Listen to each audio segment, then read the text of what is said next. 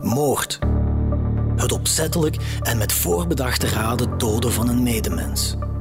Het is het zwaarste misdrijf dat iemand kan begaan. We zijn er op een akelige manier door gefascineerd. Hoeveel romans, films en andere verhalen behandelen dit duistere thema? Helaas is moord niet altijd fictie. Integendeel. Er wordt gedood uit passie of jaloezie, uit wraak, lust, voor geld of botweg uit haat. In deze reeks analyseren we verschillende ophefmakende Limburgse moorddossiers, van plaatsdelict tot veroordeling. En gaan we op zoek naar de motieven die in het verknipte hoofd van de dader zijn gruwel rechtvaardigen. Ik ben Geert op Teinde en dit is Van Moord tot Verdikt. Episode 1. De man met de gouden handen. Woensdagavond 10 februari 1993. Guy Duchateau, nu commissaris van de politiezone Tongeren-Herstappen en destijds hoofdbrigadier van de Tongerse gemeentepolitie, heeft nachtdienst. Hij en zijn collega's verwachten vannacht weinig problemen. Want, zoals dat wel vaker het geval is tijdens kille winteravonden, is de Ambiorix-stad in een dichte mist gehuld. En daardoor is er weinig volk op straat. Maar rustig zal het die nacht alles behalve worden. Iets na tien uur loopt er immers een stil alarm binnen in het commissariaat. Vanuit de winkel van de 36-jarige Stéphane Peigneux. Peigneux is een gerenommeerde juwelier. En zijn mooie zaak in Galerij de Gouden Schaar, pal naast de basiliek, is bij alle tongenaren bekend. Het is daar dat dit gruwelverhaal die woensdagnacht begint. Zo vertelt Guy Duchateau. Op de avond van de feiten uh, hadden we nachtdienst. Uh, met onze ploeg, toen werkten we nog in ploegen bij de politie van Tongeren. En uh, ja, iets na tien is er een stil alarm binnengekomen. Michel Gromme die was buiten, Flip Hennel. die zijn dan naar de juwelierszaak gereden. Omdat het al tien uur was, waren we toch niet 100% zeker van een, van een vals alarm. Want dat was nogal redelijk veel in die tijd. En uh, we kregen vrij vlug de oproep van Michel dat het serieus was dat hij uh, dus de juwelier aangetroffen had, gekneveld in zijn zaak. Niet vooraan, iets verder, iets dieper in de zaak, want de deur was niet gesloten. Uh, hij lag op de grond met zijn mond dichtgeplakt met tape en zijn handen en benen gekneveld ook met tape. En zijn handen waren op zijn rug getaped. Hij heeft dan tegen mijn collega gezegd dat hij uh, bij hem thuis overvallen was. En dat hij naar de winkel onder bedreiging gebracht was. En dat zijn vrouw nog thuis gegijzeld werd in een woning op Sint-Ruidersteenweg. Guy en zijn collega's beseffen meteen dat de situatie zeer precair is. Deze homejacking is dan ook geen alleenstaand feit. De voorbije weken waren er in de streek, vooral in het Luikse, meerdere overvallen op juweliers waarbij één of meerdere gezinsleden bedreigd en gegijzeld werden. Het is duidelijk. De agenten moeten zo snel mogelijk naar de Sint-Ruidersteenweg, naar huisnummer 130. Collega Henno is mij dan komen oppikken aan het. En uh, wij zijn naar de Sint-Ruidersteenweg gereden. Uh, het was heel veel mistig. We hebben ons opgesteld tegenover de woning. Tussentijd hebben wij onze officier verwittigd. En wij hebben eigenlijk de situatie bevroren. Iets later is een, een, een Rijkswachtcombi, een versterking gekomen. En we hebben die gevraagd om de achterzijde van het huis te gaan beveiligen.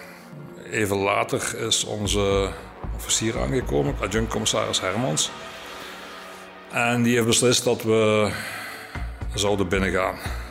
Omdat de voorkant van het huis potdicht zit, besluiten de agenten naar de achterkant te sluipen en daar een mogelijkheid te zoeken om het huis binnen te gaan. We zijn dan naar de achterzijde van de woons gegaan, dat vooraan het niet mogelijk was om binnen te gaan, omdat het volgens mij een ijzeren deur was. Uh, en het rolluik van het raam was naar beneden. Dus we zijn dan naar de achterzijde van de woning gegaan. Via de garage zijn wij kunnen in de tuin geraken. En zo aan de achterzijde van het huis. Daar hebben we het rolluik van wat nadien de keukenvenster bleek te zijn, even kunnen opheffen om naar binnen te kijken. En dan zagen we mevrouw eigenlijk liggen. De juweliersvrouw ligt levenloos op de grond. Is ze slechts buiten bewustzijn? Of moet Guy het ergste vrezen? De agenten moeten stand-TPD binnengeraken.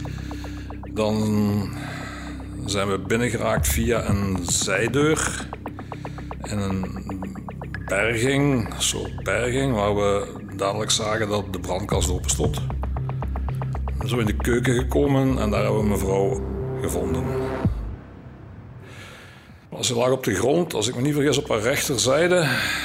Uh, een rode blouse aan, een rode bordeaux blouse. Bloed op de grond. Uh, haar gezicht was niet echt zichtbaar.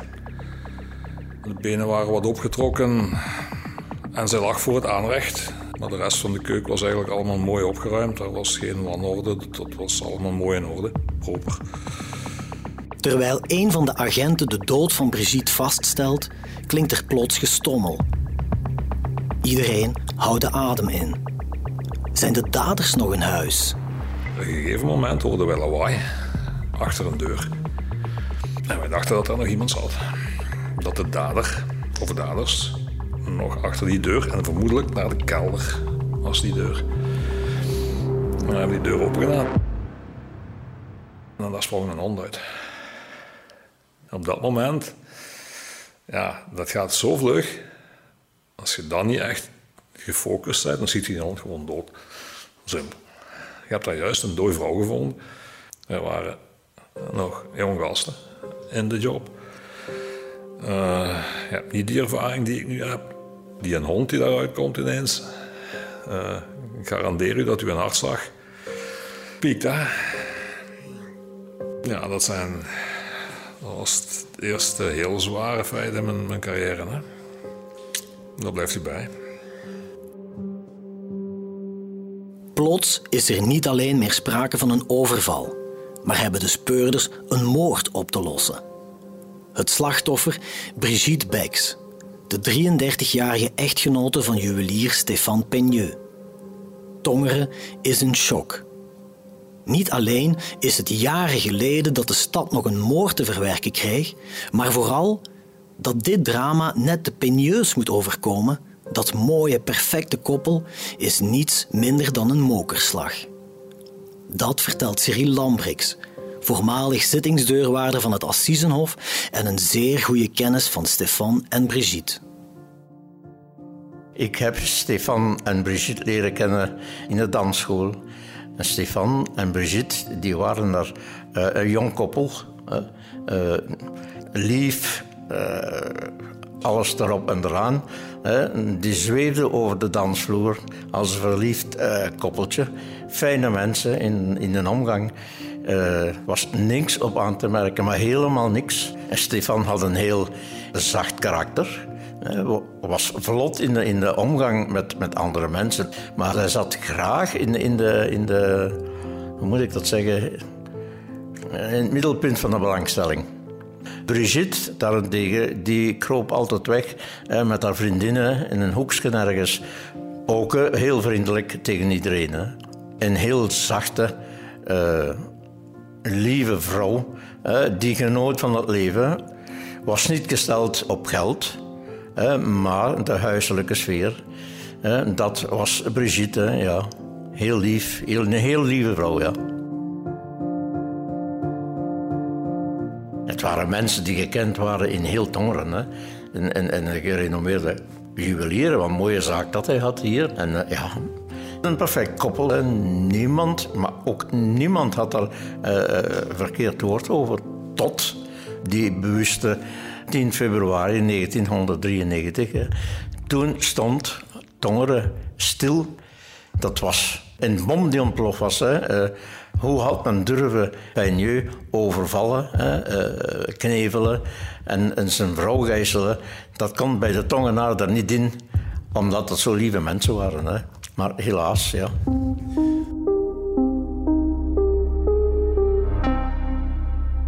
Terug naar de nacht van de moord. Terwijl hoofdbrigadier Guy Duchateau in de woning van de Peigneus in de Sint-Truider Steenweg het levenloze lichaam van Brigitte aantreft, probeert inspecteur Michel Gromme de zwaar aangeslagen Stefan Peigneux te kalmeren in een ijssalon tegenover zijn winkel. Het is daar dat de juwelier niet veel later het vreselijke nieuws te horen krijgt, zo vertelt Guy Duchateau. Stefan Peigneux is eigenlijk vrij snel in kennis gesteld, uh, omdat hij bleef vragen naar zijn vrouw. En uh, ja, het was dan toch op de Sint-Ruidersteenweg. Uh, Tongeren gaat alles nogal redelijk vlug. De tamtam -tam werkt redelijk snel hier. En uh, hebben we het eigenlijk vrij vlug tegen hem verteld. Ik denk dat Michel Grommen, die bij hem was en ook constant bij hem gebleven is, het hem verteld heeft. En hij is dan, voor zover dat hij Michel mij gezegd heeft, ook ingestort. Stefan Pigneux, een gebroken man. Hoe is dit drama kunnen gebeuren, wil de politie weten. De enige die daar een antwoord op kent, is de juwelier zelf. Dus zit er voor de agenten niets anders op dan de diep bedroefde echtgenoot zo snel mogelijk te verhoren. Peigneux verwachtte blijkbaar bij hem thuis nog een levering van de post. Was zijn verhaal. Hè? En uh, hij zei dat hij de deur open gedaan had omdat hij dacht dat het die levering was. Die mensen zijn binnengedrongen bij hem, hebben zijn vrouw gegijzeld en hebben hem gedwongen om mee te gaan naar de winkel. Ze hebben geparkeerd op de hoek van de Hemelingenstraat en zijn dan de straat overgestoken door de galerij uit naar de juwelierszaak. Daar heeft hij ook de kluis moeten openmaken, de juwelen moeten meegeven en daar hebben ze hem gekneveld en zo achtergelaten. Hij heeft dan het stilalarm kunnen in werking stellen en dan is de politie gekomen. Het lijkt zo klaar als een klontje. Enkele gemaskerde gangsters overvallen de welgestelde Peigneus in hun woning, gijzelen Brigitte, nemen de juwelier onder bedreiging mee en dwingen hem om de kluis van zijn winkel te openen, waarna ze hem knevelen. Intussen loopt er in de Sint-Truider Steenweg echter iets mis. En dat moet Brigitte met de dood bekopen. Klinkt logisch, toch? Dat vindt op dat moment ook erecommissaris Nico Sielissen die dan chef is van de sectie moorden van de gerechtelijke politie. Zanderdaags zijn we op de hoogte gebracht en zijn wij dus aangeduid door de onderzoeksrechter om dat onderzoek te leiden. En in eerste instantie bleek dus dat een soort homejacking overval te zijn. En in die zin hebben wij dan ook die heel informatie verwerkt. Zelfs zover dat wij zijn nagegaan of er nog van die feiten gebeurd waren. Hier in de omgeving. En dat bleek onder andere een geweest te zijn. Een zolikdanige overval, uh, homejacking, bij een juwelier in Oos. En op die manier zijn we ook verder gaan zoeken van wie zijn die daders. Dus dat was in feite het begin van het onderzoek. Een homejacking, gijzeling, uh, juwelen weg, slachtoffer gekneveld, zit boven in zijn zaak. Een soort uitgangspunt.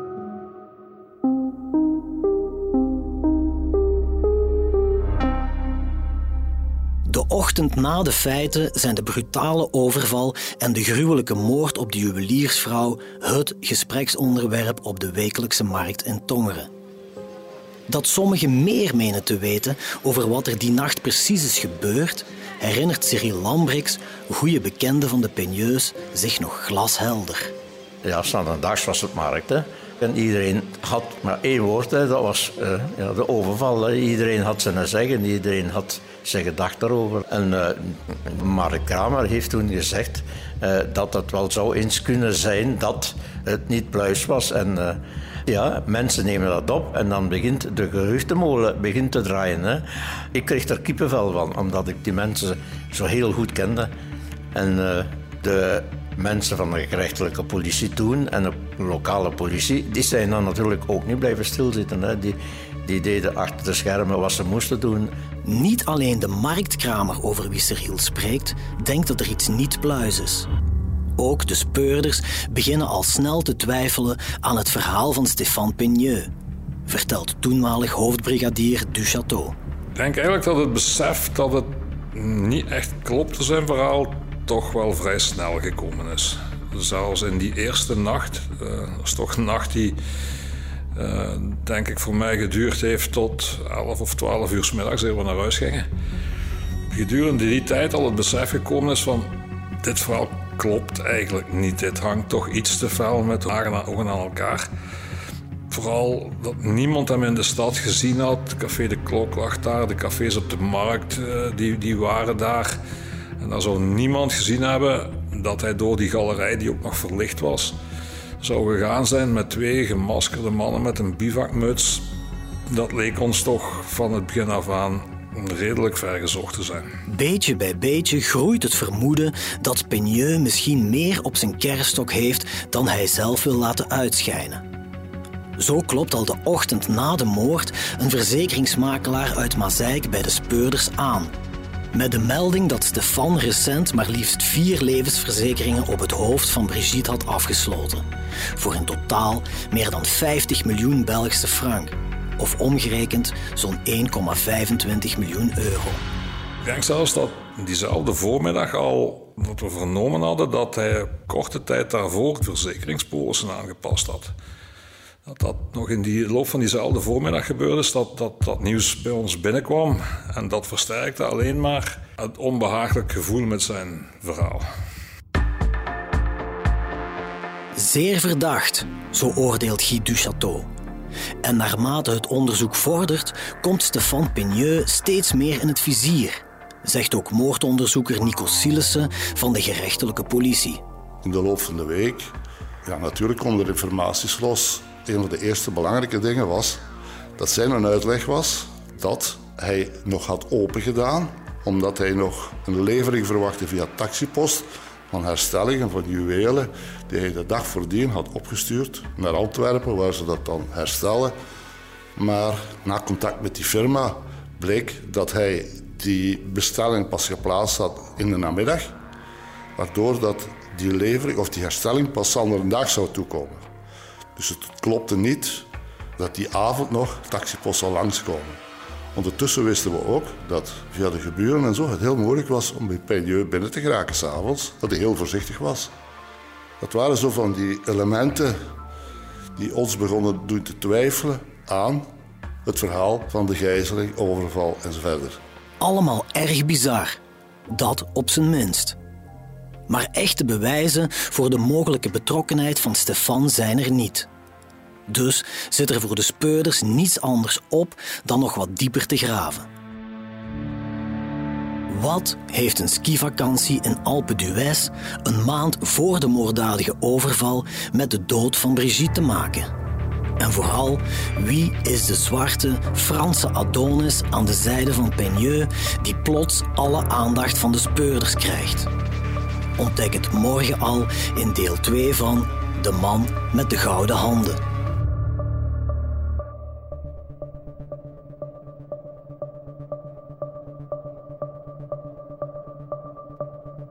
U luisterde naar Van Moord tot Verdikt, een true crime reeks van HBVL Podcast. Samenstelling door Geert op Teinde, Nancy van den Broek, Philippe Perges en coördinator Cato Poelmans. Montage en audioproductie door Wart Houbrechts. Chef podcast is Geert Nies. Reageren? Dat kan via podcast@hetbelangvanlimburg.be.